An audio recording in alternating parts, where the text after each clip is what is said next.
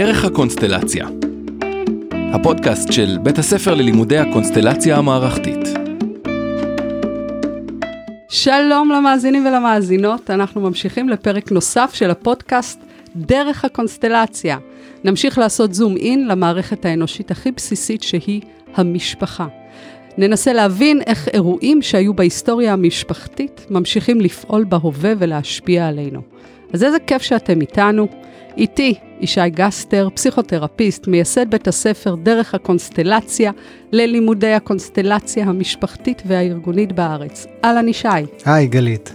ואני, גלית הרמן, מלווה אנשים בתחום האישי והמקצועי, נותנת ייעוץ מבוסס קונסטלציה לארגונים, וכמובן מלמדת קונסטלציה עסקית וארגונית יחד עם ישי. והיום אנחנו נתמקד בדינמיקה שבין אחים ואחיות. נבין מה יכול להפריע לדינמיקה הזאת וגם מה יכול לעזור. אז רגע לפני שאנחנו מתחילים, אני מבקשת להקדיש את הפרק הזה, כמובן, איך לא, לאחותי, שבמשך כל הילדות הייתה לי לאחות וחברה ואם, והצליחה לייצר לי ולה בועת חיים שפויה, גם בתקופה לא פשוטה. על כל זה ועוד, אני אוהבת אותך. אז יאללה, בוא נצא לדרך ונשאל, למה, משפחה זה כל כך מסובך? אז ישי, תקשיב, הסיפור הזה של אחים ואחיות ממש ממש מבלבל. כדי להתכונן לפודקאסט הזה, אז uh, רשמתי בגוגל uh, יחסי אחים, חיפשתי פודקאסטים על יחסי אחים, ומה שראיתי זה ככה, מצד אחד, ריבים, מכות, מלחמות אחים על ירושה, מצד שני, סיפורים מרגשים עד דמעות על אחים שמצאו אחד את השני אחרי 30 שנה, תאומים שנפרדו בלידתם ומצאו זה את זו. ואנחנו גם מכירים את הביטוי הזה, שכל גבר רוצה לפרגן לאיזה חבר שלו ויגיד לו, אחי, כאילו זה הדבר הכי קרוב שהוא יכול אה, אה, להגיד לו. אז אה, יש בזה משהו נורא מבלבל. נראה שמצד אחד מדובר פה על קשר עמוק וקרוב ממה שאפילו נראה לעין. קשר שיש לו השפעה מאוד מאוד גדולה על איך אנחנו מסתובבים ומתנהלים בעולם ועם חברים. ומצד שני, זה נראה קשר רגיש שכל הזמן מועד לפורענות בקלות. למה ככה? טוב, פחות או יותר סיכמת את כל ההיסטוריה האנושית מאז קין והבל. והם היו רק שניים ועוד לא היה אף אחד אחר וזה גם לא נגמר מי יודע מה. אמ, אז אה, רגע נחשוב מאיפה מאיפה מתחילים. אה, אפשר להתחיל מלמה מה הכוח הזה שמביא אחים ביחד מה הכוח הזה שפועל אה, על אחים אה, והאם יש איזשהו מה בא קודם אהבת אחים או שנאת אחים. אה, אז אפשר אה, לשאול שמה אה, איזושהי שאלה. אני אגיד שמבחינת התפיסה של הקונסטלציה גם כגישה טיפולית וגם כפילוסופיה אחים זה הקשר הכי חזק אחרי הורים ילדים. Okay. אוקיי. קודם הקשר בין ילד להורה זה הקשר הראשוני והקשר השניוני השני שהוא הכי משמעותי הוא הקשר בין אחים. כלומר זה קשר שהוא הוא, הוא עמוק הוא חזק אחים יודעים אחד על השני גם כשהם אה, לא מכירים אחד את השני או לא אי פעם נפגשו גם אם לא סיפרו להם אחד על השני. הם יודעים אחד על השני גם אם הם לא יודעים אחד על בדיוק, השני. בדיוק כן okay. זו, זה המשפט שהוא אה, מגדיר את זה מאוד נכון. כמו ידע פנימי לא מודע ש... אבל הם יודעים. הם יודעים כן הם יודעים. בגופם בפנים בפנים בפנים הם יודעים. הם גם יודעים וזה גם מפעיל אותם כלומר אם חסר אח גם כשהם לא יודעים זה מפעיל. אה, מאוד את האחים לחפש אחד את השני אמ, או ללכת כל הזמן עם תחושה של חוסר אה, או כל הזמן לחפש איך אה, במקום כאילו איך מישהו יכול להיות במקום אח שלי ואני אפילו לא יודע שזה תפקידו ובטח שגם הוא לא יודע אותו חבר או. או בן בת זוג הרבה פעמים המקום הריק הזה צריך להתמלא על ידי מישהו. אז או שאנחנו מחפשים כל הזמן ואף אחד לא יכול באמת למלא את זה, אז זה גורם להרבה תסכולים, אה, או שאנחנו מוצאים מישהו ושמים עליו את הלייבל הזה, או שאנחנו מסתובבים כמו עם איזה תחושת נתק, תחושת חוסר כל הזמן. Mm, אוקיי, okay. ותכף באמת בהמשך נפרוט את ה... כל מיני קשיים שיש אה, סביב הדבר הזה. איפה אתה בסדר האחים? אני אה, הרביעי בסדר האחים. בן זקונים או שיש עוד? אני בן זקונים. אה, היי, גם כן. אני. אם היית יכול להיוולד שוב, מה היית בוחר? או לא הייתי מחליף. בן זקונים זה אה, מבחינתי לפחות, כלומר ב... בעולמי זה המקום הכי הכי מוצלח כי יש עליו הכי פחות משקל. אנחנו בני זקונים אה, אה, באופן כללי אנחנו מקבלים הרבה פחות משקל מההורים. יש משקל שתופס אותנו בשלבים יותר מאוחרים שאם אנחנו האחרונים שנשארים בבית אז זה קצת יותר קשה לנו לצאת מהבית. Mm. אמ, אבל את המשקעים, הכאבים של ההורים והמערכת בדרך כלל אלה שבאים לפנינו עושים לנו את הטובה בוא נגיד. בתור בת זקונים גם אני נאלצת להסכים איתך. אז, בוא, אז בוא באמת אה, נתחיל אה, קצת לפרוט את הסיבות שמוכרות אה, לנו מנקודת המבט של הקונסטלציה, סיבות ככה לשיבוש ב, ב, ביחסי אחים. אה, בתוך הקשר, אותו קשר אה, מדהים, שאנחנו יודעים שזה קשר נורא נורא קרוב, ועדיין כל הזמן יש שם המון המון שיבושים. אה, ואני אזכיר שהנקודת מבט המיוחדת שלנו, של הקונסטלציה, היא, היא, היא באמת הדבר הזה שאומר שאם יש מתח בין האחים, הבעיה היא לא ביניהם, ולא באף אחד מהם. Mm. יענו, אף אחד מהם לא אשם. אה, אלא בעצם אנחנו נחפש אה, את, ה, את השורש של המתח הזה שנוצר ביניהם במקום אחר במערכת המשפחתית. אה, אם בתוך יחסים אחרים בין דמויות אחרות, ואם זה סיפור בהיסטוריה המשפחתית שעדיין משפיע. אז בואו נתחיל לפרום את זה לאט לאט. אז אני אולי רוצה טיפה לחזור על מה שאת אומרת כדי להדגיש את זה יותר. שבתפיסה שלנו בבסיסו אה, אחים זה הקשר הכי חשוב שיש. והכי עמוק ו, ו, והכי משלים את אה, אותנו. אמ, ולכן כאשר יש קרע או ריב או נתק אה, בין אחים, אנחנו לא לוקחים את זה כמשהו שקשור לטבעם, לטבע אותם אחים. אנחנו אומרים שזה איזושהי הפרעה, שזה לא אמור להיות ככה. כאילו אנחנו אומרים, בטבעם של אחים, הם רוצים להיות שם אה, כמו חוליות בשרשרת, והחוליות האלה מחוברות. אלא אם כן משהו מפריע לזה. כן. אה, ופה אנחנו רגע ננסה לפרוט מה, מה, מה מפריע ועשוי להפריע. כן.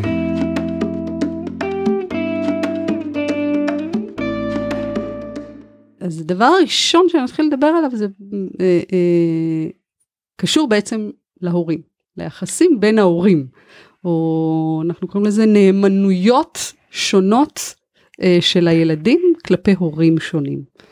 אז בוא תתחיל לספר לנו על זה קצת. אוקיי. אז uh, לאחים, uh, לילדים יש נטייה uh, ל- להיות אה, בעד הורה כזה או הורה אחר, בעד אבא או בעד אימא. אה, הנטייה... קצת דיברנו על זה בעצם בפרק הקודם, כלומר נכון, על היכולת נכון. של הילד לשאת כאב עבור ההורה שלו, ואז לפעמים אחים הם כמו מתחלקים בנטל, אחד נושא את הכאב הקונסטלטיבי של אימא, השני של אבא, ואז לפעמים זה גם יוצר אה, קונפליקט מסוים.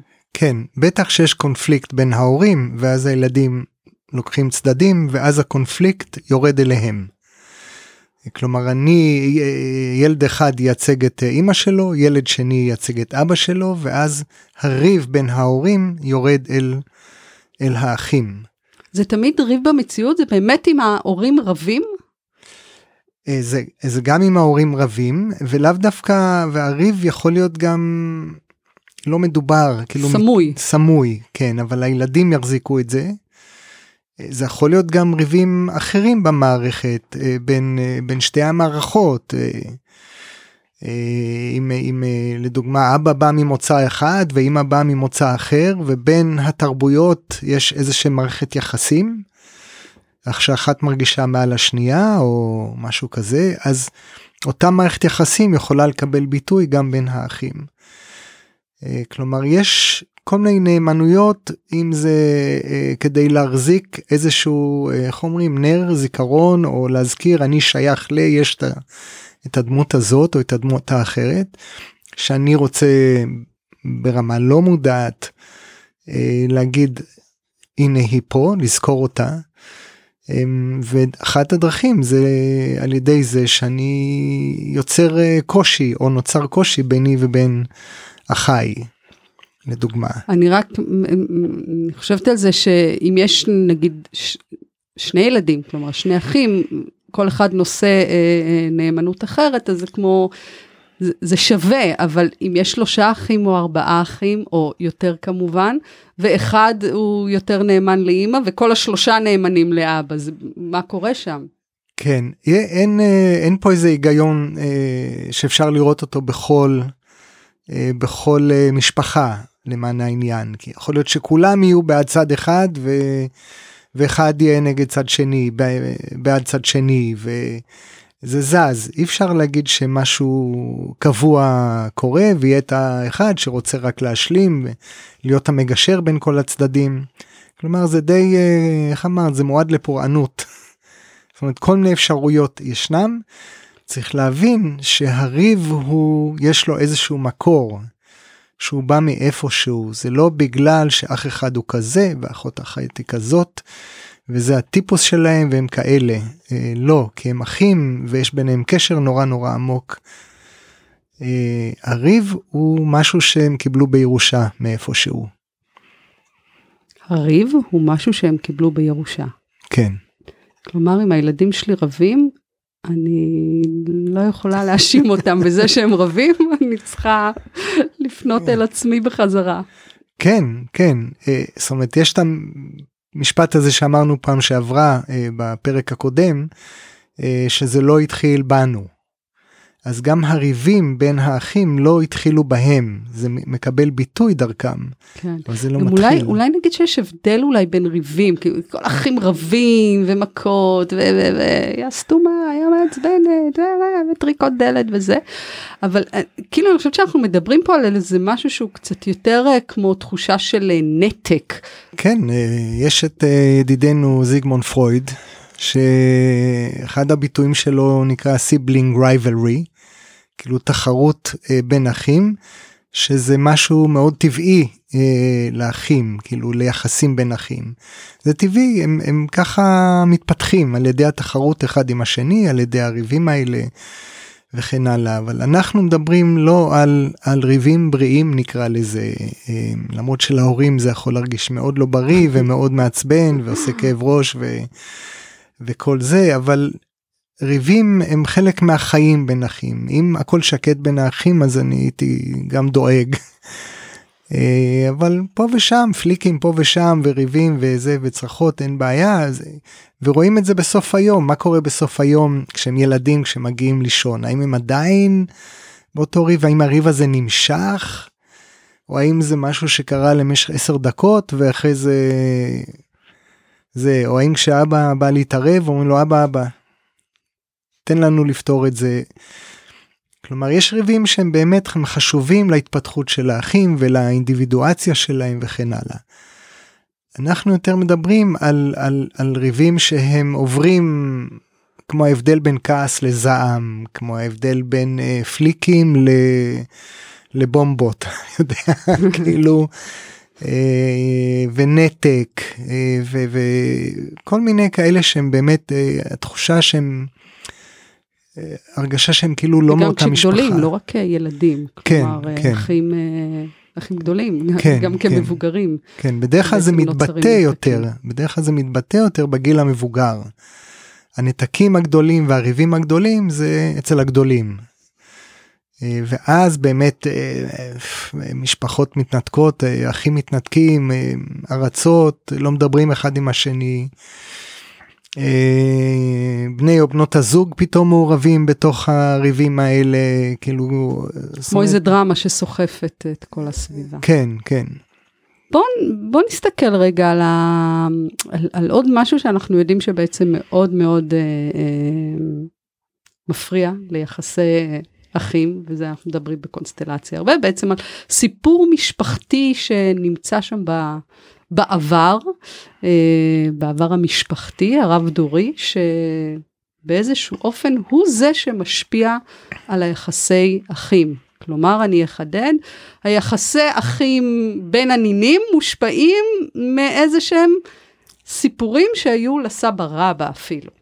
אה, אז קודם אני אגיד שזה בבסיסה של השיטת הקונסטלציה כשיטה טיפולית, כגישה טיפולית.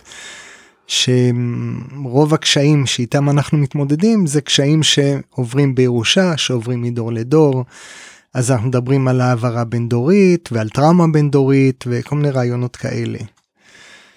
אה, אז זה באופן כללי ככה אנחנו מסתכלים על דברים על כל דבר. כן, כן. מחלה פיזית, אה, מתח ביחסים, אה, תקיעות אה, רגשית, מקצועית, בעצם על הכל אנחנו, על. הכל, כן. מהפריזמה הזו מסתכלים. כן, כן, בדיוק. אנחנו כל הזמן שואלים מאיפה זה מגיע. אז גם אה, עם אחים, אה, אחת הדרכים, זאת אומרת, ואולי אנחנו, עם, ה, עם השיחה הזאת נמנה עוד ועוד אה, אה, סיבות לאיזה סוג של אה, אה, דינמיקות אה, אחים נמצ... מוצאים את עצמם בתוכם ומאיפה הן באות. אז אחת מהן היא באמת הבין דורית, אה, כלומר לדוגמה אם סבא איבד את כל אחיו בשואה. אה, אז מיד בכזה, בכזה סיפור יש שני דברים, אחד יש אובדן אה, מאוד גדול ואחד יש אחד שניצל. ויש את מה שנקרא סינדרום הניצ... הניצול. אה, אשמת הניצול. אשמת הניצול. אמ, שמי שניצל תמיד מרגיש אשמה, אה, ואשמה נגיד היא אל מול אחיו, אם הוא איבד את כל אחיו. ואז כל הסיפור הזה עם אחים שנאבדים, עם אובדן ועם אשמה בין אחים, הדינמיקה הזאת יורדת במשפחה. אז כלומר יכול להיות שאצל הנכדים אנחנו לא יודעים איפה זה יופיע הרבה פעמים זה קופץ דור אבל לאו דווקא. אבל בהחלט יכול להיות שיהיה ילד אחד ייצג את הסיפור הזה במשפחה שלו. כלומר הוא יהיה זה שנעלם לדוגמה אז הוא ייצג את ה... את... או זה שברח והציל את עצמו מה... מהאסון או זה שעבד, כאילו הוא יכול כמו לייצג את שני הצדדים. איך זה יכול להתבטא? לדוגמה שהוא מתנתק מהמשפחה, שהוא בורח מהבית. בורח, לוקח את הדברים ובורח, או מדברים באופן עקרוני, או לא, גם בורח. אופן, כן. הולך, רוצה פתאום לגור באיזה פנימייה בצפון, אה, או בדרום, אה, כן, כזה, כן. ופתאום לא רוצה כן, זאת אומרת, זה לא קריאה עכשיו לכל ההורים שיש להם ילדים בפנימייה לרוץ ולהחזיר אותה. אוקיי. אה, אבל זה אולי מסביר משהו לגבי um, התופעה הזאת שילד לא רוצה לגור בבית או לא רוצה להיות עם אחיו. לא טוב לו עם האחים שלו, רוצה לברוח מהאחים שלו. Uh, אז, אז הסיפ, זה סיפור שהם ירשו והם משחקים אותו כאילו ביניהם האחים. ובעצם מה שאנחנו אומרים זה הבעיה או הדינמיקה הזאת היא, היא בעצם כמו הנר זיכרון לסיפור המקורי. אה, רק שבקונסטלציה אנחנו לא אומרים שזה רק בשביל לזכור אלא זה בשביל לרפא זה לא רק שנזכור. הקריאה היא לחפש מה את הריפוי את מה צריך לקרות פה. כדי שהוא לא יצטרך לשאת עליו את אותו גורל את אותו סיפור. וואי, אתה מזכיר לי איזה סיפור של אה, מישהו שהגיע אליי לטיפול קונסטלציה, והוא בעצם, הוא אמר שהוא הרבה הרבה בחיים שלו מרגיש אה, לבד, במיוחד יש לו איזה חמישה אחים, והוא אומר שכל פעם שהוא איתם הוא מרגיש נורא נורא לבד, אה, והוא לא מצליח להבין את זה. אמ, ותוך כדי ככה התהליך אני מבקשת ממנו להביא איזה דימוי שיתאר את הל... תחושת הלבד הזה שהוא מרגיש מולם. והוא מתאר את זה כמו תחושת זרות שיש בתוך חדר בבית חולים שכל הקירות שלו לבנים וכולם מדברים שפה זרה רפואית שאי אפשר להבין. זה הדימוי שהוא הביא לתחושת הלבד שלו. ותוך כדי התהליך אה, של הקונסטלציה, היה נראה שלאבא שלו יש איזה חוסר שקשור באח. אה, שברור לי שבפודקאסט אנחנו מתקשים להעביר את החלק הזה של איך זה בדיוק קורה בתהליך הקונסטלציה, אני מזמינה אתכם פשוט לבוא לחוות. אבל אני שואלת אותו לגבי זה, ואז הוא פתאום נזכר שהוא שמע איזשהו סיפור שלא הצליחו לאמת אותו עד היום, שלאבא שלו יש אח שהוא כנראה מחטופי תימן. אה, סבתא שלו הביאה את הילד עם מעט חום לבית חולים לטיפול, היא הייתה עולה חדשה, חיה במעברות, לא ידעה את השפה, הם לקחו את הילד, הבטיחו לטפל ולעדכן אותה. אה, במשך כמה ימים הם לא שמעו מהבית חולים, וכשהסבא האבא של אותו ילד חולה בא לשאול עליו, אמרו לו שהוא מת אחרי יום ושקברו אותו, ועד היום אין תעודת פטירה ואין שום עדות למותו. ודרך התהליך התגלה בעצם איזשהו חיבור לא מודע שיש לאותו גבר שהגיע אליי, עם תחושת הלבד שלו, אה, עם אח של אבא, עם, עם אותו דוד שבעצם נעלם, שהוצא מהמערכת המשפחתית שלו. וכמובן קסם הקונסטלציה גם אחרי העבודה שעשינו כאילו אחרי כמה שבועות דיברתי איתו הוא ממש הרגיש שהוא הוא, הוא פגש את כל האחים שלו באיזה ארוחה משפחתית והוא ממש תיאר אה, איך הוא אמר את זה גן הלבד שלי mm. הוצא. יפה כן. אה, אז, זה ממש אני חושבת מתאר את ה... איך איזושהי חוויה שיש לנו מול האחים שלנו באיזשהו אופן קשורה ממש כמו איזה דיבוק לסיפור אחר שהיה שם אה, במשפחה. כן, כן, כן. זאת אומרת זה גם זה שאומר גן אז כאילו הוא יודע שזה משהו שהוא ירש. גן בא לבטא משהו שירשתי. כן זה עוד יותר בולט כש... איך הוא אמר לי את זה? אני לא מבין, כאילו האחים שלי נחמדים, אין לי, אני, הם לא מעצבנים, אני, כאילו, לא היה לו תלום, לא היה לו כן. משהו הגיוני להגיד אה, לגבי התחושה הזו, זה היה עוד יותר... אה, כן, בולט. כן, אה, זה, זה מעניין כי גם אחת התגובות לקונסטלציה ולטיפול הקונסטלטיבי, זה, אבל זה לא הגיוני. כן. זה אחת התגובות מה הקשר בין זה לבין זה מה הקשר בין זה שאני מרגיש לבד אל מול החי לבין זה שאולי אולי לאבא שלי היה אח שאולי שאני אפילו לא יודע לאמת את זה ולהגיד אם זה נכון או לא כן. אבל זה מה שעלה בתוך התהליך אז אנחנו סומכים על זה. כן עכשיו אנחנו סומכים על זה ואיכשהו בעקבות כך נוצר איזשהו שינוי בחוויה של הלבדיות. ואז זה מה שחשוב מבחינתנו. כן כן.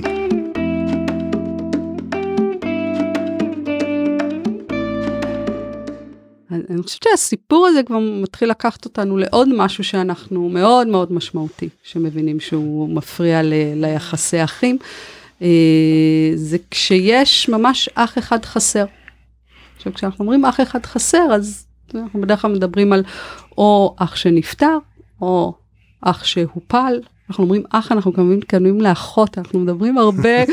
מתוך ההרגל התרבותי בלשון אה, זכר. אז בוא נדבר על אחות. אז בוא נדבר על אחות, כן. נכון. בוא... אה, אז כן, אז זו אחות שמתה, או אחות שהופלה, או אחות שהופרדה, נשלחה לאימוץ ואנחנו לא, ולא יודעים. אה, בוא נתחיל לדבר כן, על זה. כן, או אחות שנולדה לא בסדר ושלחו אותה לאיזה מוסד ולא סיפרו לאחים, ל, לילדים שבאו אחר כך, גם כאלה יש. נכון. אה, יש הרבה הרבה סיפורים. אז מה, מה, המש, מש, מה המשמעות מעבר לכאב ולאובדן כמובן, כאילו המשמעות הקונסטלטיבית שאנחנו מדברים עליה, כשיש אה, אח שמת, אני באופן אישי זה, זה הסיפור שלי, ובאופן אישי זה גם הסיפור שלי, גם כן. הסיפור שלך. אה, והאם יש גם משמעות ל... אה, מיקום איננו. אם אח בכור נפטר או אח אמצעי, אם זה, אם זה משמעותי. כן, כן. אז קודם כל, אה, כן. אז אח חסר זה לקחת צלע מאיזשהו משהו שלם והוצאת את אותה צלע. ואז השלם הזה צריך כל הזמן אה, להתנהל אה, עם הצלע החסרה הזאתי. לקחת שרשרת והוצאת חוליה. ואז השרשרת צריכה, או ש... נהיה, נהיה שתי שרשראות בעצם, ואין חוליה שמחברת ביניהם. אח חסר זה כמו חוליה, זה כמו צלע, המערכת המשפחתית או היחסים בין האחים צריכים כמו אה, אה, למלא את החסר הזה, או להתנהל בדרך שהיא אה, מפצה. אתה, אתה הרגשת את זה? אה, אתה נולדת כבר אני נולדתי, כן, אחי הגדול, אה, הוא מת מנקישת נחש כשהוא היה בן חמש. אוקיי. אה, אתה עוד לא נולדת. אני לא נולדתי, זה קרה אה, ב-54, אה, אני נולדתי ב-58, כלומר ארבע שנים לפני שאני נולדתי. עוד אחרי זה נולד אה, האח השלישי, זה שמעליי, ואז אני נולדתי. אמ, בחוויה שלי ההשפעה הראשונה הייתה שאני אה, הראשון שבין האחים שאימא שלי כל הזמן הראתה לי תמונות של אותו אח שמת. וזה נתן לי... לשאר האחים היא לא הראתה רק איתי, לך? כן, איתי עד כמה שידוע לי. כן, הם לא סיפרו לי. Okay. אם אוקיי. כן. אה, גם היא כשאני התחלתי את כל התהליך ההתפתחות שלי אז uh, היא כתבה לי שרק אה, אחרי שאני נולדתי הרגישה שהיא יצאה מתוך הטראומה של האובדן. אוקיי. Okay. יכלה, uh, טוב אם האחים שלי עכשיו מקשיבים uh, לזה אני לא יודע אם סיפרתי להם את הסיפור הזה uh, אז זה גם בשבילכם. אז כן, ואחים שלי יודעים שאני כל הזמן בחיפושים האלה אחרי הדמויות החסרות המשפחתיות שלנו. אז אה, כן, אז קודם כל זה היחס יחס אליי, היחס שאני כאילו באתי להחליף אותו, אני במקומו. אה, היה לי בלבול נורא גדול שהיה להם תמונה שלו בחדר שלהם ואני תמיד חשבתי שזה אני לדוגמה. וואלה. כן, רק כשהייתי מבוגר הבנתי שזה לא מבוגר, אבל כשהייתי כבר ילד נער, אז פתאום קלטתי שזה בכלל לא אני, שזה אח שלי ש, שמת. אמ, ו... כאילו הרגשת אבל שאתה באיזשהו אופן לא התמונה היא משהו אה, מאוד סמלי הרגשת שאתה באיזשהו מילוי משבצת? לא הרגשתי okay. אוקיי. רק כשהתחלתי טיפול פתאום קלטתי. הבנתי. רק כשהתחלתי את ההתפתחות האישית פתאום הבנתי שאני ממלא אה, מקום אה, להוריי. אה, בעיקר לאימא שלי, לא יודע לגבי אבא שלי, אבל בטח לאימא שלי, שאני זה שצריך למלא את המקום החסר הזה. ואז גם זה יצר איזה בשבילי איזה יחסים של הילד המיוחד אל מול אחיי. ראה יוסף ואחיו. או ראי. לא כדאי לך להיות אח מיוחד, האחים שלך יבעטו בך. כן, אז אחים שלי למזלי לא בעטו בי, אבל זה אולי בגלל שגדלנו בלינה המשותפת וכל אחד היה באיזה בניין אחר רוב הזמן, אז לא היה להם הזדמנות. אמ, אבל כן, פה היה לי מזל, אז באמת לא חטפתי מהם יותר מדי, אבל התחושה הפנימית הייתה, הייתה שאני לבד בעצם. והלבד הזה הוא מתייחס ליחס המיוחד ולתחושת הזה שאני שייך לזה שאיננו. אה, ורק כשהתחלתי ללמוד קונסטלציה ממש התחלתי להבין את זה. אז ויש משמעות ל... האם האח שאיננו שחסר הוא בכור או לא בכור? כן, יש משמעות מאוד. למערכת, לאחים. כן. לש... לשיבוש שנוצר בנתק בין החוליות. כן, האח הבכור, אמ, לא סתם יש לו שם במקום ראשון, הוא לא רק ראשון, הוא הבכור.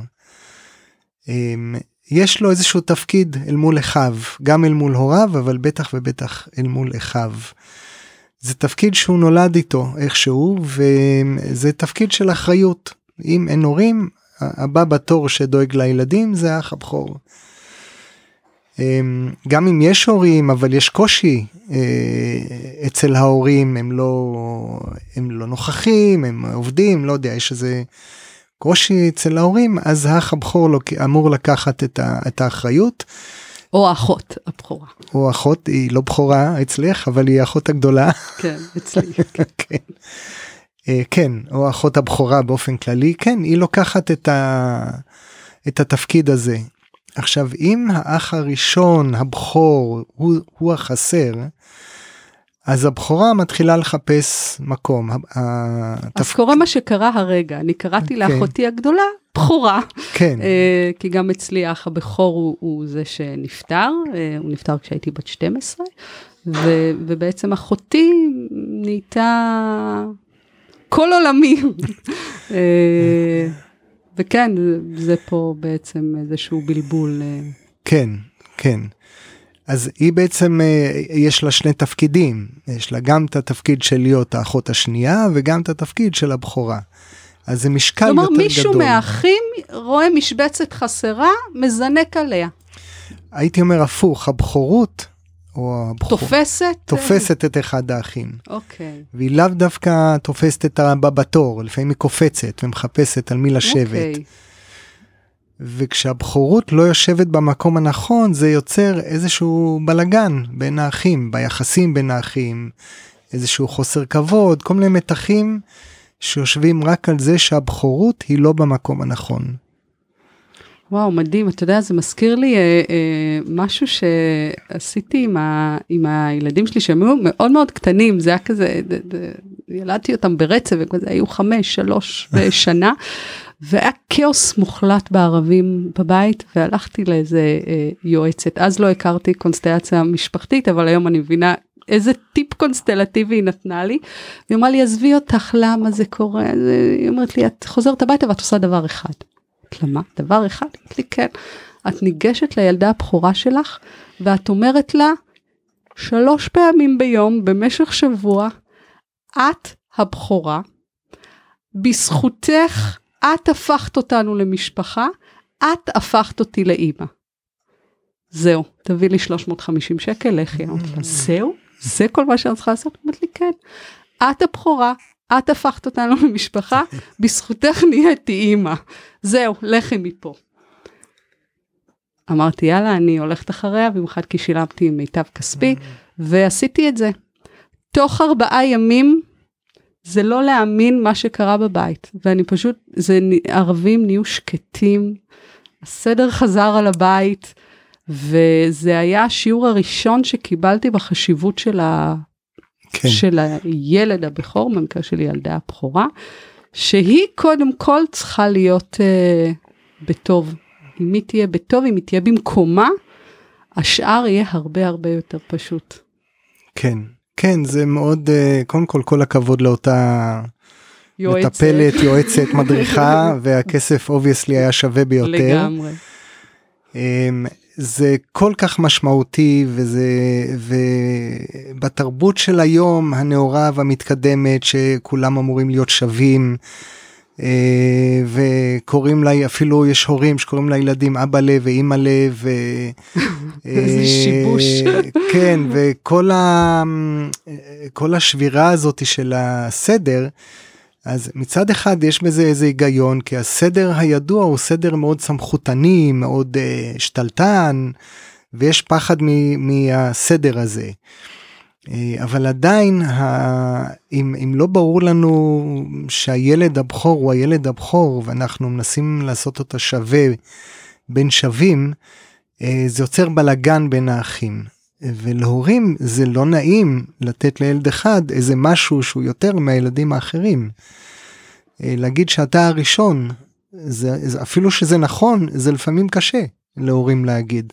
דבר נורא פשוט שהוא גם נורא נכון היסטורית וכרונולוגית ואיך שלא נראה, רק להגיד אתה הראשון, אתה באת קודם אה, לאחד הילדים ולילד אחר עוד יותר להגיד אתה באת אחר כך.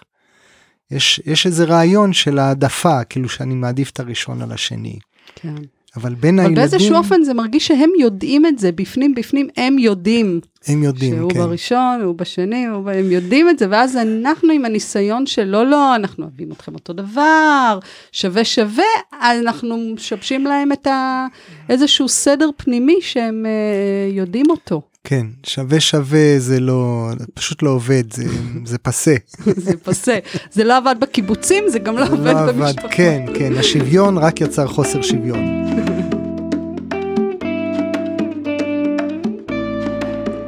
אה, התחלנו לדבר קצת על- אח שחסר כן, ועל אח שנפטר, כן, ויש את האח שחסר לפני שהוא נולד.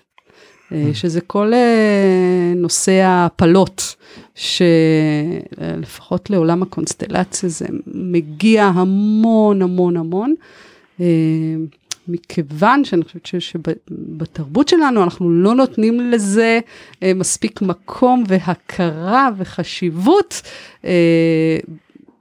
בדבר הזה שהוא חלק. אני מזכירה כן. שאנחנו עוד בפודקאסט הראשון דיברנו, בפרק הראשון דיברנו על עקרון השייכות, ש, שכל מי שנולד למערכת והוא חלק ממנה אז הוא שייך לה. שייך לה, כן. אה, ו- ופה בעולם הזה של הפלות, אה, יש שם משהו שבתרבות שלנו הוא לא נתפס כ... אה, כשייך כי הוא עדיין לא נולד, ואילו אנחנו בתהליכי הקונסטלציה רואים משהו הפוך לגמרי. כן. אז בואו אולי, אולי לפני זה. שצוללים להפלות, אה, אולי זה ברור, אבל רק אה, בכל זאת אני אשים על זה איזשהו דגש, וזה הלידות השקטות. מעבר לעובדה שלהורים זה טראומה מאוד מאוד קשה, הם, היא כל כך קשה שהרבה פעמים הם לא מספרים את זה לילדים שבאים אחר כך. הם, וגם הרבה פעמים שמים את התפקיד כמו ש... כמו שקרה אצלי במשפחה ששמו עליי את התפקיד. זה כמעט קבוע כשילד מת אה, מוקדם אה, ההורים שמים את התפקיד על אחד הילדים האחרים למלא את מקומו. ואני חושב שמעתי פעם את אבשלום קור ברגע של עברית אה, אומר שהשם מכלוף אה, היו נותנים אותו במרוקו לילד שנולד אחרי ילד שמת. וואלה, שהוא בעצם בא להחליף אותו. כלומר מראש אין לו, אין לו שם אה, משלו, משלו, כן. מעניין. והרבה תהליכי קונסטלציה כשאנחנו באים לפתור את זה אז אנחנו עושים את ההפרדה הזאתי. כי אחרת אה, כמו החוויה שהייתה לי שאתה בעצם כל הזמן במקום מישהו אתה לא אתה אין לך אין לך זכות אה, להיות עצמאי ולהיות הדבר הייחודי שאתה. כלומר, אתה עושה הפרדה בין לידות שקטות ל... להפלה, כן. לאח שמת, זה כמו איזה... כן מה, כמו- מה בהפרדה הזו הוא מאוד מאוד חשוב מבחינת הקונסטלציה? יש פה איזה חשיבות? אני חושב אה, זה יותר מבחינת ההשפעה העוצמה של, העוצמה ה... של של החוויה, החוויה כן, של ההורה. ועד כמה היא יורדת אל הלא מודע. Mm, ככל שהאח הוא יותר אה, מבוגר, הילד יותר מבוגר, ככה הוא יותר נכח במשפחה, ככה יש לו יותר מקום ופחות ככה האין שלו יותר נוכח. כן. ככל שזה קרה בשלבים יותר ויותר מוקדמים, האין גם כן הוא נעלם אל ה... יכול להיעלם אל הלא ידוע המשפחתי, אלא מה שאנחנו קוראים הדינמיקות החבויות במשפחה, אה, ואז זה משפיע מהלא מודע. אמ, ואז אנחנו מגיעים להפלות אה, שהרבה אז פה אנחנו קצת מבדילים בין הפלות יזומות והפלות לא יזומות אה, זאת אומרת הפלות טבעיות אה, אבל בתור התחלה מבדילים מאיזה בחינה? מבחינת ההשפעה של, שלהן על המשפחה על היחסים בין האחים. אוקיי. אמ, אולי צריך לעשות פה רגע את ה... להגיד משהו על הפלות בכלל ועל היחס שלנו להפלות. אוקיי. אמ, בעניין הוא שהעניין הוא שאנחנו עובדים עם הפלות ואנחנו נותנים להם הרבה מקום בעבודה הקונסטלטיבית כי אנחנו רואים את ההשפעה שלהם על המשפחה. אמ, אבל לא פעם אה, נוצר איזה נוצרת איזה חוסר הבנה שיש לנו דעה לגבי הפלות. אה, ואז חשוב להגיד שאין לנו דעה לגבי אם זה נכון או לא נכון, מוסרי או לא מוסרי, זאת אומרת אולי יש לי באופן אישי איפשהו דעה, אבל מבחינת הגישה אין פה נכון או לא נכון. אנחנו בעיקר מתבוננים על התופעה של משהו שחסר עכשיו, אה, שחלק, שהוא חלק מהמערכת והוא חסר, והאם הוא משפיע על דמויות אחרות כן, במערכת. אנחנו באים לפתור, לפתור איזשהו קושי שקיים במערכת, ביחסים, או במצב הפיזיולוגי אה, של אה, אה, דמויות במשפחה. ואנחנו כלומר, רואים... אין במה שנאמר פה לרמוז שזה לא בסדר לבצע הפלה, זה כמובן לא, לא, לא הדעה שלנו, אלא אנחנו באמת באים לתאר פה איזה תופעות ודינמיקות של בין אחים שמושפעות כן. מ- אנחנו מהיותה של ההפלה חלק מהמשפחה ומהתרבות שלנו. כן, אנחנו מתעסקים בריפוי ולא במוסר באופן כללי. נכון. זה ה... אני חושב באופן... אה, איזה מין ראייה שאנחנו מנסים להחזיק אותה פה, ונורא קל ליפול למקום מוסרי. אה, וחשוב להגיד שמוסר לא מרפא. מוסר מטרתו להחזיק חברה, כן. אה, יש לו כל מיני רעיונות משלו, אבל הוא לאו דווקא עוזר בריפוי. אז מה, מה, מה אתה שם לב מתוך תהליכי קונסטלציות, ההשפעה של אה, הפלות לפעמים על דינמיקה בין אחים? אז הפלה ב... ושוב אני אזכיר שאנחנו אומרים אחים, אנחנו לא מדברים רק על ילדים קטנים, אנחנו מדברים על אה, כל גיל. עד אנחנו, סוף חייהם. כן, אנחנו כן. עובדים עם אנשים בכל גיל שבאים אה, מתוסכלים על זה שהם עדיין לא מדברים עם האחים שלהם 20 שנה ו-30 שנה ו... 70 שנה. 70 ו- שנה, כן, וכן. כן. אז הפלה היא כמו אובדן בעצם של, של אח או אחות. אה, היא יוצרת חוסר, דיברנו בפודקאסט הקודם על הדמות החסרה נכון. הרבה. אז הפלה זה דמות חסרה, זה דמות שהיא חלק מהמערכת והיא חסרה. והחוסר הזה מיד יש לו השפעה, אז עוד פעם צריך לפצות על החוסר הזה. אחת ההשפעות, אם ההפלה היא לדוגמה בין אח ואחות וביניהם היה הפלה, אז זה ישפיע על היחסים שלהם. זה כאילו חסר שם מישהו ביחסים שלהם. אז אם יהיה נתק ביניהם, זה אחת הסיבות. אה, למה יהיה נתק בין אח ואחות או שתי אחיות. אה, כי ביניהם הייתה הפלה, זה כאילו לקחת חוליה שקישרה ביניהם והוצאת אותה. ואז אין קשר. עכשיו רואים במשפחות לדוגמה שיש אה, לא יודע מספר של אחים ונוצרות שתי קבוצות. ואחת הסיבות שנוצרות שתי קבוצות רואים שבין שתי הקבוצות האלה הייתה הפלה. וואלה. אמ, אז יש אותנו ויש אותם ואיזה ואז זה, הולך ל, לעוד ועוד שזה מגיע לירושה אז בכלל זה בלגן גדול והרבה פעמים הבלגנים האלה זה כי יש את, ה, את ההפלה את האח או האחות החסרים האלה. ילדים בגיל נורא מוקדם יודעים על החוסר הזה אז אני חוזר למה שאמרנו בהתחלה אחים יודעים על אחיהם החסרים או אחיותיהן החסרות. הם יודעים את זה ב- ב- ב- בעצמותיהם. הם, ואז הם מחפשים אז אנחנו רואים אה, שומעים לא פעם סיפורים על בובות שבאות להחליף אה, אה, ילדים או ילדות שהופלו. ואז מה, ה- כמו חפץ מעבר אתה מתכוון? חפץ במקום חפץ במקום. כן כן היו שלוש הפלות יש שלוש בובות. כאלה כל מיני וכל הזמן לדאוג להם ולהשכיב אותם וזה ואז פתאום הבובות כשבודקים אה, זה בעיק- בעיקר כשמגיעים לטיפול ואז אומרים שהייתי ילדה היו לי זה ווואי זה בדיוק פתאום מגלים את ההקשרים האלה. אני פתאום חושבת אה, על הקטנה שלי שהיא מכורה לבובות. כן כן אה, אז זה חפצים שהם באים למלא איזשהו חוסר. ובובה כמובן היא שאלה אם זה חפץ או לא אבל אה, אבל יש לה תפקיד נורא משמעותי. אז אה, זה דבר אחד עוד דרך שבה הפלה אה, יכולה להשפיע זה זה על זה שזה שבדרך כלל אנחנו אומרים שהפלות בעיקר משפיעות על זה שנולד אחריהן. כלומר מי שנולד אחרי ההפלה הוא הכי מחזיק את, ה... את החוסר. את החוסר הזה, כן. אז אה, זה גורם להם אה, כל זמן... יש לחוסר הזה יותר משקל למי שמגיע אחרי ההפלה מאשר כן. מי שלפני ההפלה. כן. עכשיו זה עוד יותר אם ההפלה הייתה טראומטית, כלומר אם היא הייתה בגלל בעיה רפואית, אה, לדוגמה, או, או כי הכריחו. או כי הכריחו, או כי, אה, או שההפלה הסתבכה, ואז היו צריכים לעשות עוד כל מיני, אה, לא יודע, גרידה והדברים האלה. אה, כלומר הרחם עובר טראומה שם גם כן, ואז הבא שנמצא שם ברחם איכשהו, איכשהו יודע על הטראומה הזאת. כלומר יש הרבה השפעות אה, שיכולות להיות שם.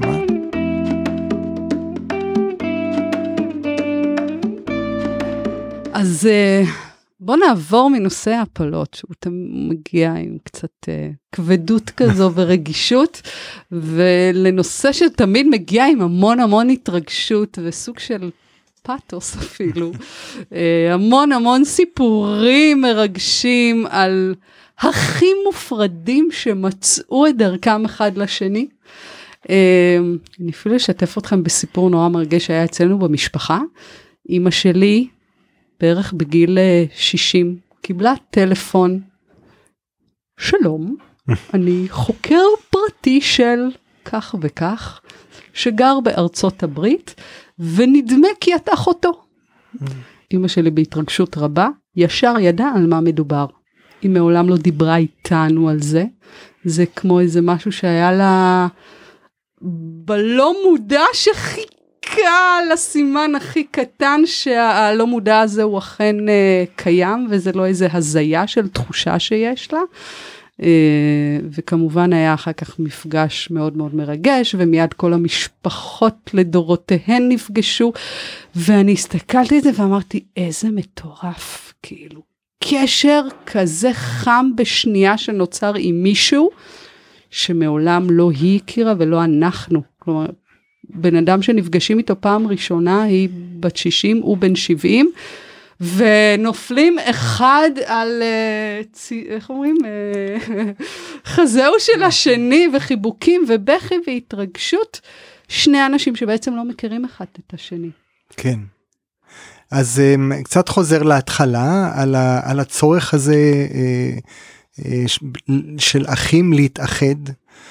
Um, יש איזשהו כוח שלא יודע אפשר לנסות להסביר אותו בכל מיני דרכים כאלה ואחרות אבל העובדה היא שאחים שהופרדו הם תמיד ירצו uh, להתאחד הם תמיד ירצו ליצור איזה שלמות uh, ביחסים שלהם. מה זה הרצון הזה? הם, אבל הם לא יודעים אפילו שהם, ש, ש, שיש, שיש להם אח. כן, אז פה אני יכול רק לתת תיאוריה, כאילו אין לי, אין לי פה איזה אה, מחקר אה, עמוק אה, שנעשה, אבל בעבודה שלנו, מאחר ואנחנו רואים את זה כל הזמן, את הקשר העמוק הזה בין האחים, אה, בין אחים שהופרדו, אה, אה, אולי אפשר להכניס לפה גם אה, אה, אחים מתרומת זרע או אחאים כמו שהם קוראים לעצמם שאיכשהו הם, הם מוצאים את עצמם שמחפשים אה, אחד את השני. נכון. אה, זה איזשהו כוח נורא גדול הדרך היחידה שאני יכול להסביר אותה והיא לגמרי תאורטית היא שהם הם באים מאותו מקום ו, והם רוצים. אה, הם קשורים, הם הכל דומה, ה-DNA שלהם הוא, הוא לפחות חציו, אותו DNA. ותחושת החוסר מושכת אותם אחד אל השני. אם הם כל הזמן ביחד אז כל מה שהם רוצים זה רק שיאללה תצאי לי מהפרצוף. אבל אם הם כל הזמן לא ביחד תצאי אז... לי מהחדר. כן בדיוק. אבל ברגע שיש את האין אז האין מושך אותם אחד לשני אם הם לא היו אז הם כל הזמן יחפשו אחד את השני. כן בגלל זה אנחנו אומרים הרבה אני מוצאת עצמי אומרת הרבה כשאני עובדת עם, עם אנשים ואומרים לי יש לי כל הזמן מין תחושה כאילו שיש לי עוד אח בעולם הזה או אחות אבל אני לא יודעת אולי אני מדמיינת ואני כל הזמן אומרת להם אל תיתנו למציאות לבלבל אתכם נכון בוא נלך עם התחושה שלכם. כן כן כן המציאות זה זה קילר. המציאות היא קילר. היא יכולה אה, לעצור אה, כל תהליך ריפוי, כי המציאות אומרת עזבי שטויות, אה, זה לא ידוע, זה לא נחקר, אה, אין לך הוכחות, אז זהו. אה, אז לא, המציאות אי אפשר לסמוך עליה בכל מה שקשור לריפוי. אפשר לסמוך על המציאות.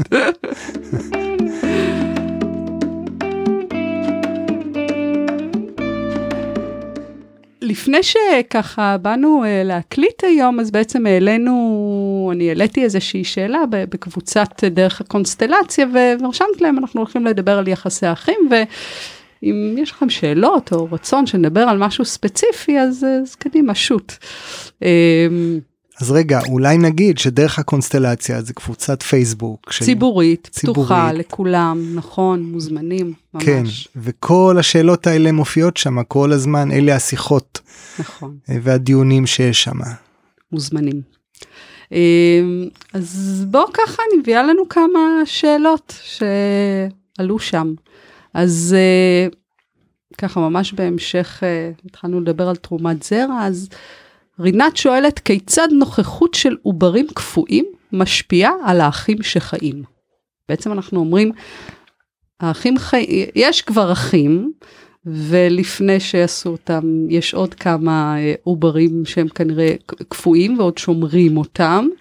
יכול להיות שאפילו האישה או הזוג שהעוברים האלה שייכים אליהם, הזוג החליט שהם אפילו לא רוצים עוד ילדים, אבל כרגע העוברים האלה עדיין קיימים קפואים. Mm. האם זה משהו שהגיע לפתחך בתהליכי קונסטלציה ואתה יכול לשים לב על ההשפעה כן. שיש לזה על האחים? קודם כל כן, הגיע גם זה וגם אה, אה, ילדים של אה, תרומת זרע. אה, יש השפעה. אה, עכשיו זה קצת קשה להגיד כי זה תחום, זה תחום כל כך אה, רגיש. אה, וכל כך חשוב אה, לכל מי שרוצה ילדים. אה, אבל אז עוד פעם, במה שנאמר אין להגיד שזה נכון או לא נכון, בסדר או לא בסדר. זה חשוב לי להגיד את זה. כן, אבל... אין, אנחנו לא מביעים פה שום דעה על, על כך שיש כן. את התהליך הזה, תהליך חשוב. התהליך אנחנו... קיים. אנחנו רואים בקונסטלציות ש... אה, ביציות מופרות. וכל הסיפור הזה של אה, כל הדרכים שבהם מנסים אה, למצוא דרך להיכנס להיריון, אה, יש השפעה על הנולדים. גם על הנולדים וגם על ההורים, בעלי הזרעים והביציות. זו השפעה הרבה יותר חזקה ממה ש... המציאות המחקרית הביולוגית המדעית אה, יודעת אה, או בכלל אפילו חושבת אה, שקיימת. בתורת החלקיקים זה ברור להם לדוגמה אבל שמה איכשהו זה בסדר שיש קשר בין חלקיקים שהם מפרידים ביניהם להם זה לגמרי ברור mm. אבל לא לוקחים את זה לתוך המקום הזה שזה גם חלקיקים שבאים מאותו מקור. זה נורא בעצם דומה מאוד כן אבל שם איכשהו יותר נכון אה, אה, שם בכל אלה שאני מתכוון שעושים את התהליכים של אה, הפריה ופריון וכל זה. לעשות הפרדה זה רק תאים או לא יודע איך מתייחסים לזה באיזה דרך שהיא לא לא כ... לא יודע, אנטיטי, לא כישות. כלומר, בתהליכי קונסטלציה אנחנו רואים שבעצם התאים הביציות המופרות, העוברים הקפואים, הם, הם, הם ממש עוד חלק בתוך המערכת. כן. וברגע שזה לא מקבל הכרה, יש סיכוי שמישהו מהילדים החיים, צריך לפצות. עוד פעם, זה כמו החוסר הזה ימשוך אותו כן. אה, אליו ל, להשלמה, לפיצוי. אה, אה, כן, יהיה לזה בהחלט... תופעה מסוימת שקשורה לאותו חוסר. כן, בהחלט תהיה לזה השפעה. אוקיי, אז מה אפשר לעשות? קונסטלציה. יש לך, יש לך איזה עצה, כלומר, מה, מה בסופו של דבר עושים בקונסטלציה? הרי אנחנו, כמו שאמרנו, זה לא פה איזה דעה, שלא אמורים לעשות uh, הפריות כן. ו- וזה. זה תהליך חשוב וזה מאפשר ל... ל- לילדים להיוולד. כן. אז, אז זה המצב, זה מה שקורה. אנשים עושים כן. את זה, אנשים עוברות הפלות כי זה מה שנכון להם. אז מה, מה אנחנו בעצם אומרים, אז, אז מה? הקונסטלציה, אחד, אה, אחד הכוחות שלה זה הנכחה חווייתית של מה שחסר. כלומר, זו טכניקה שמאפשרת חוויה, לא רק הבנה, אלא חוויה עמוקה של השלמה של מה שחסר. אז לכן אם אני מרגיש חוסר נורא גדול, לדוגמה עם אותם ביציות מופרות או עוברים מופר, מופרים, אני יכול ליצור אה, אה, חוויה שבה יש תחושה של אה, יחד, תחושה, חוויה של יחד עם אותם דמויות, או במקרה הזה ביציות מופרות אה, חסרות.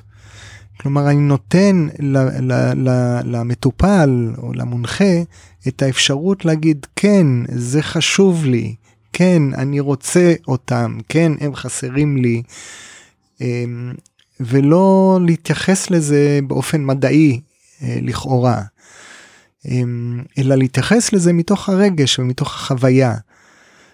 אז את יודעת, כל הסיפור של הפסיכולוגיה התחיל מזה שפרויד אה, גילה שאם מדברים על דברים זה עוזר. ככה זה התחיל. אז גם פה, ולהגיד כן, במקום להגיד לא, עזבי, זה לא, זה לא, זה מציאותי, לא מציאותי, כן, במקום כל זה להגיד כן, כן, בוא... והקונסטלציה מאפשרת חוויה גופנית, חווייתית, תחושתית, אה, הבנתית, הכל ביחד. והיא מאפשרת את זה, אני אגיד, גם לאדם עצמו, כלומר, נגיד, אותו אח שמרגיש שיש לו אח, והוא חושב כן. שהוא הוזה, או מרגיש את תחושת הנתק מאחים אחרים, אבל זה גם מאפשר איזשהו תהליך ריפוי כמו למערכת. למערכת, אנחנו לרגע, כן. לשעה, לחצי כן. שעה, מאפשרים למערכת להרגיש את תחושת השלמה. אולי... שאם יש גורם שיצא ממנה, הנה, הכנסנו נכון. אותו, ככה נראית המערכת כן. השלמה. אולי זו הזדמנות פה להגיד משהו שיושב על ליבי כבר לא מעט זמן לגבי ביציות מופרות. לך על זה. יש עודף ביציות מופרות בחדרי קירור בבתי חולים, והם לא יודעים מה לעשות עם זה. אז אם שואלים את עצתי, ועכשיו אני פשוט אגיד אותה קבל עם ועדה, תחזירו אותם למשפחות ושיעשו איתם תהליך כלשהו. איזשהו תהליך אה, כן, אל תשרפו. פרידה וקבלה וחלק כן. מהמשפחה. אל תשרפו אותם. אה, אני יודע אל שזה, אותם אל תעלימו אותם. אני יודע שזה קיצוני לאללה מה שאני אומר, אבל אני מאמין בזה מאוד, ואני חושב שצריך להחזיר אותם לאמהותיהם ובעליהן. ויהיה טוב שיעשו עם זה איזשהו תהליך, תהליך של קבורה, תהליך של זה, זה יעשה טוב לכולם. שהם יחליטו מה נכון להם לעשות עם זה, כן, אבל... כן, כי לילדים שלהם זה יהיה חשוב. לילדים החיים זה חשוב. וואו, מעניין אם זה, אם זה אפשרי. זה אפשרי לגמרי, זה רק טיפה מערער את המערכת. מעט מערער את המערכת.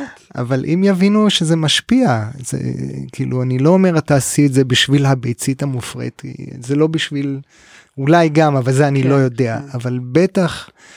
בשביל האחים החיים. בשביל האחים החיים זה תהליך מאוד חשוב, ולדעתי גם בשביל ההורים זה מאוד, זה יעשה להם טוב על הלב. קשה, אבל טוב. בא לי להודות לך שהיית נחרץ, שרגע אמרת את זה. אוקיי. מוכן לשאלה הבאה? כן. גלית, לא אני, רוצה לדעת עוד על יחסי האחים בצל אובדן אם בגיל צעיר. אז אפילו נגיד בצל אובדן הורה, כן? אה, איך זה משפיע על היחסי האחים. אז זה חוזרים לדמות החסרה. כלומר, אין אימא, מישהו צריך לקחת את התפקיד הזה. ברגע שמישהו צריך לקחת את התפקיד הזה, הוא בעצם מאבד את הקשר האחי שלו עם אחיו. הוא כאילו מעלה את עצמו בהיררכיה, כן. וסביר להניח שהאחים שלו לא יאהבו את זה. אה, אם זה, שלאו דווקא. אם זה האח הבכור או האחות הבכורה, אז זה יתקבל יותר בקלות. אוקיי, אבל אם האח הקטן פתאום הקטן, ינסה וואו, וואי, לפצות, וואי, זה בלאגן גדול. זה שתי כאפות. בכלל יש שתיים. עניין אם כשהאח הקטן הוא זה שאני רואה את זה לפחות אצל אה, הילדים שלי, כל פעם שהקטנה מנסה ל- להוריד את הגדולים ממרום מקומם, היא חוטפת בחזקה. כן, כן. זה לא בקטנה, זה... אז כן, אז אה, זה חשוב מי לוקח את זה. בהחלט אה, אחים קטנים צריכים לזכור שהם אחים קטנים, אבל מי שהכי צריך לזכור את זה זה ההורים, כי ההורים שם מאוד מתבלבלים. לא פעם אני מגיע למשפחות ואני רואה שאת האח הקטן שמים בראש השולחן, או את האחות הקטנה. כן, אני חושבת שנתנו את הדוגמה הזאת. כן, נכון, כן. בפרק הראשון. אה, כן, בכל אופן, כשהורה נפטר מוקדם, אחד הילדים אה, ייקח על עצמו את התפקיד בדרך כזו או אחרת, יותר דואג, ו... ואז בעצם הוא כבר לא יהיה אח של, ולא יהיה לו אחים. אז הוא לא יכל, לדוגמה, ללכת מכות סתם אם היה בשביל הכיף עם האחים שלו, יש לו תפקיד פתאום.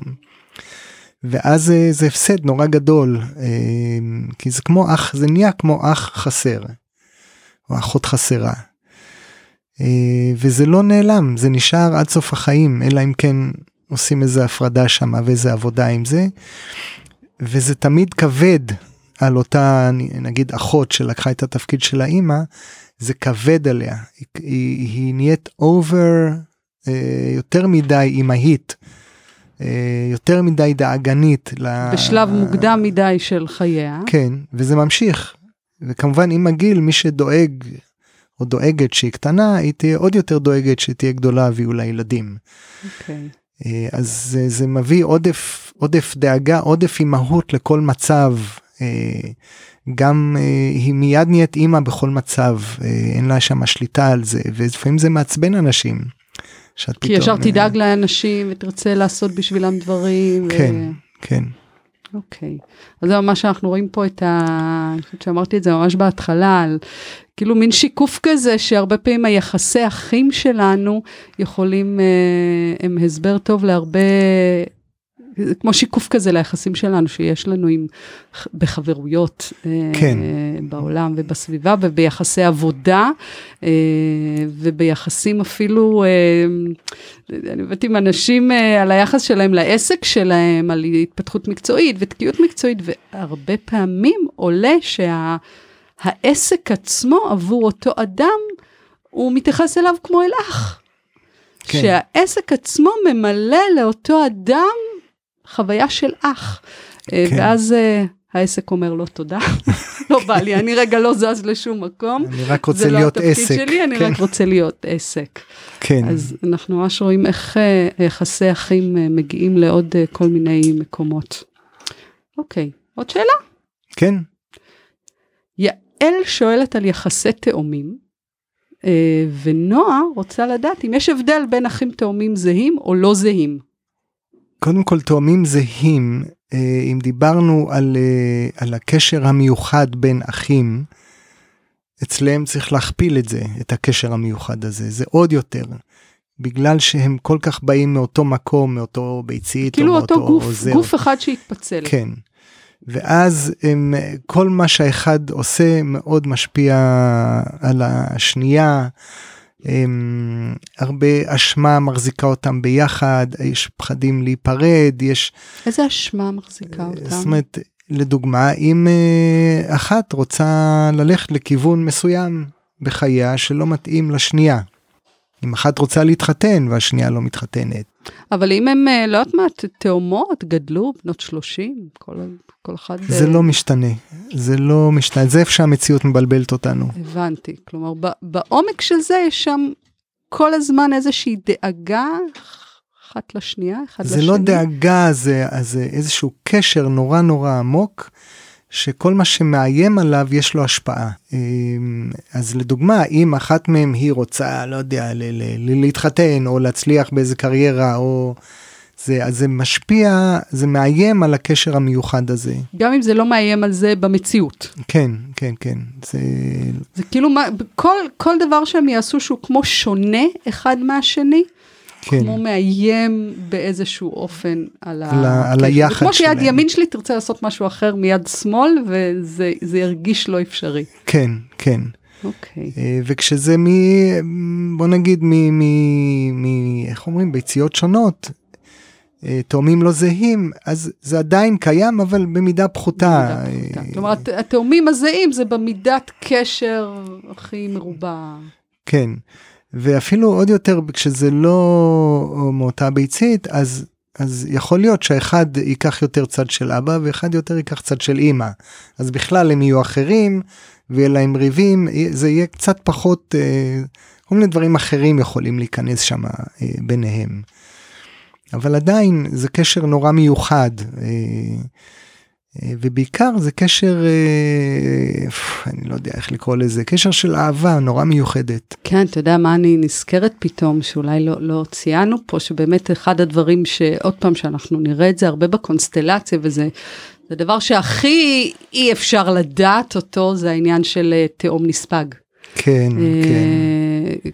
כלומר, בן אדם שבא לחקור איזה, איזה קושי בחיים שלו, תקיעות מסוימת, תחושה מסוימת שהוא מסתובב איתה, ו, ו, ואיכשהו בתוך התהליך הקונסטלציה אנחנו מזהים שם חוויה סימביוטית כזו, אה, שלוקחת ממש לתחושה שאותו אדם היה ברחם עם עוד מישהו כן, אה, שמה שאנחנו יודעים להגיד זה תחושה של תהום שנספג ובסופו של בשלבים מוקדמים ואז רק הילד הזה נולד אף אחד אפילו לא יודע שהיה שם אה, תהום שנספג אבל הבן אדם מסתובב עם התחושה הזאת אה, ובאמת בתהליך קונסטלציה אנחנו פתאום מגלים את זה אין שום דרך במציאות להוכיח את זה אבל אנחנו רק עוד פעם רואים שאחרי שעושים את התהליך הזה ונותנים לה, לאותו תהום שנספג מקום והכרה,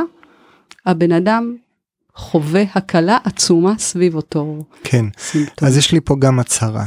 קדימה. אם מישהו או מישהי אה, הולכים עם הרגשה שהיה להם איתם עוד מישהו ברחם, התשובה היא כן מראש, קודם כל. קודם כל כן. קודם כל כן, לא אולי, מה פתאום, אין הוכחות, אין זה, קודם כל כן. אם זאת התחושה העמוקה שלכם, היא נכונה. יש את זה כל כך הרבה, את התופעה הזאת של תהום נספג, זה כל כך, אה, אה, אה, בכל כך הרבה הריונות. אה, אז קודם כל, כן, ואל תאמינו לאלה שאומ- שאומרים לכם תפסיקו לבלבל שטויות ואין לכם שום הוכחה, אה, כי גם להם אין שום הוכחה. אז החוויה שלכם היא החוויה הנכונה, היא חוויה, תאמינו לה, תאמינו לחוויה, ואל תדרשו מהמציאות אה, אה, להוכיח לכם, כי המציאות אולי לא יכולה להוכיח לכם. אל תיתנו למציאות לבלבל, לבלבל אתכם. אתכם, בדיוק, כן. טוב, ישי, אז אנחנו רגע לפני uh, סיום. בוא, בוא תעטוף לנו את זה, אני לא יודעת אם אפשר. אפשר, כן. אמ, אז אה, קודם כל, אמ, אני חוזר להתחלה אה, ולומר שאחרי אה, היחס המיוחד שיש לנו עם ההורים שלנו, אה, שככל שנצליח למצוא שם יותר שינוי וריפוי לאורך חיינו, כך ייטב לנו ולילדים שלנו ולנכדים שלנו. אמן. כך, כן, אמן. כך גם לגבי האחים והאחיות שלנו. אמ, בין אם הם חיים ובין אם הם מתים, הם תמיד חלק מאיתנו, הם תמיד אה, חלק חשוב מאיתנו. הם, אה, אה, משהו בנו תמיד יהיה איתם בקשר כזה או אחר. אז אם הייתי נותן עצה לחיים לגבי זה, אה, להגיד, אחים, אה, זה המקום אה, הכי עמוק שבו אפשר למצוא שלמות. וואו. תחזור על המשפט הזה. אחים ואחיות ואחיות. כן, הם המקום אה, הכי עמוק שאפשר למצוא בו שלמות. המקום הכי עמוק שאפשר למצוא בו שלמות. כן. תודה, ישי. תודה גלית. כן, היה ממש ממש אה, כיף, היה מאתגר, היה מאתגר, כי אחים זה ממש לא פשוט. אחים זה מאתגר ומרגש, כן, כמו שכבר הבנו. כן, וגם אה, איכשהו אני כל הזמן הרגשתי בתוך הפרק הזה את האחים שלנו. את האחים שלנו. שאינם נכון. איתנו, כן. אני רוצה להזכיר עוד פעם, להיזהר מתמונה אידיאלית, גם של אחים, כי אין כזו. אה, יש פה בעיקר הזמנה שכדי לפתור ולהבין קשיים בין אחים, יהיה טוב להגביה עוף ולראות מה עוד קורה וקרה במערכת המשפחתית. כך יגדל הסיכוי למצוא קצת יותר חיבור והרמוניה וקצת פחות נתקים. ואנחנו נתראה בפרק הבא, ונמשיך להבין למה משפחה זה באמת באמת כל כך מסובך. בינתיים, אולי גם אתם יכולים ויכולות לקחת רגע ולחשוב על האחים והאחיות שלכם ושלכן, אם הן בחיים וגם אם לא. ולרגע, להוקיר תודה על כך שהם היו שם לצדכם. חלקו איתכן את המסע. וכן, אולי יש שם רגעים שעדיין לא עוזבים אתכם. משהו שממש הייתם רוצים שהיה אחרת או יהיה אחרת. ואם כן, אולי תנדדו אחורה לסיפורים המשפחתיים עוד דור ועוד דור, ואולי תוכלו לגלות שם משהו על הסיבה. תוכלו לגלות סיפור כואב שמסתיר אמת גדולה. דרך הקונסטלציה הפודקאסט של בית הספר ללימודי הקונסטלציה המערכתית.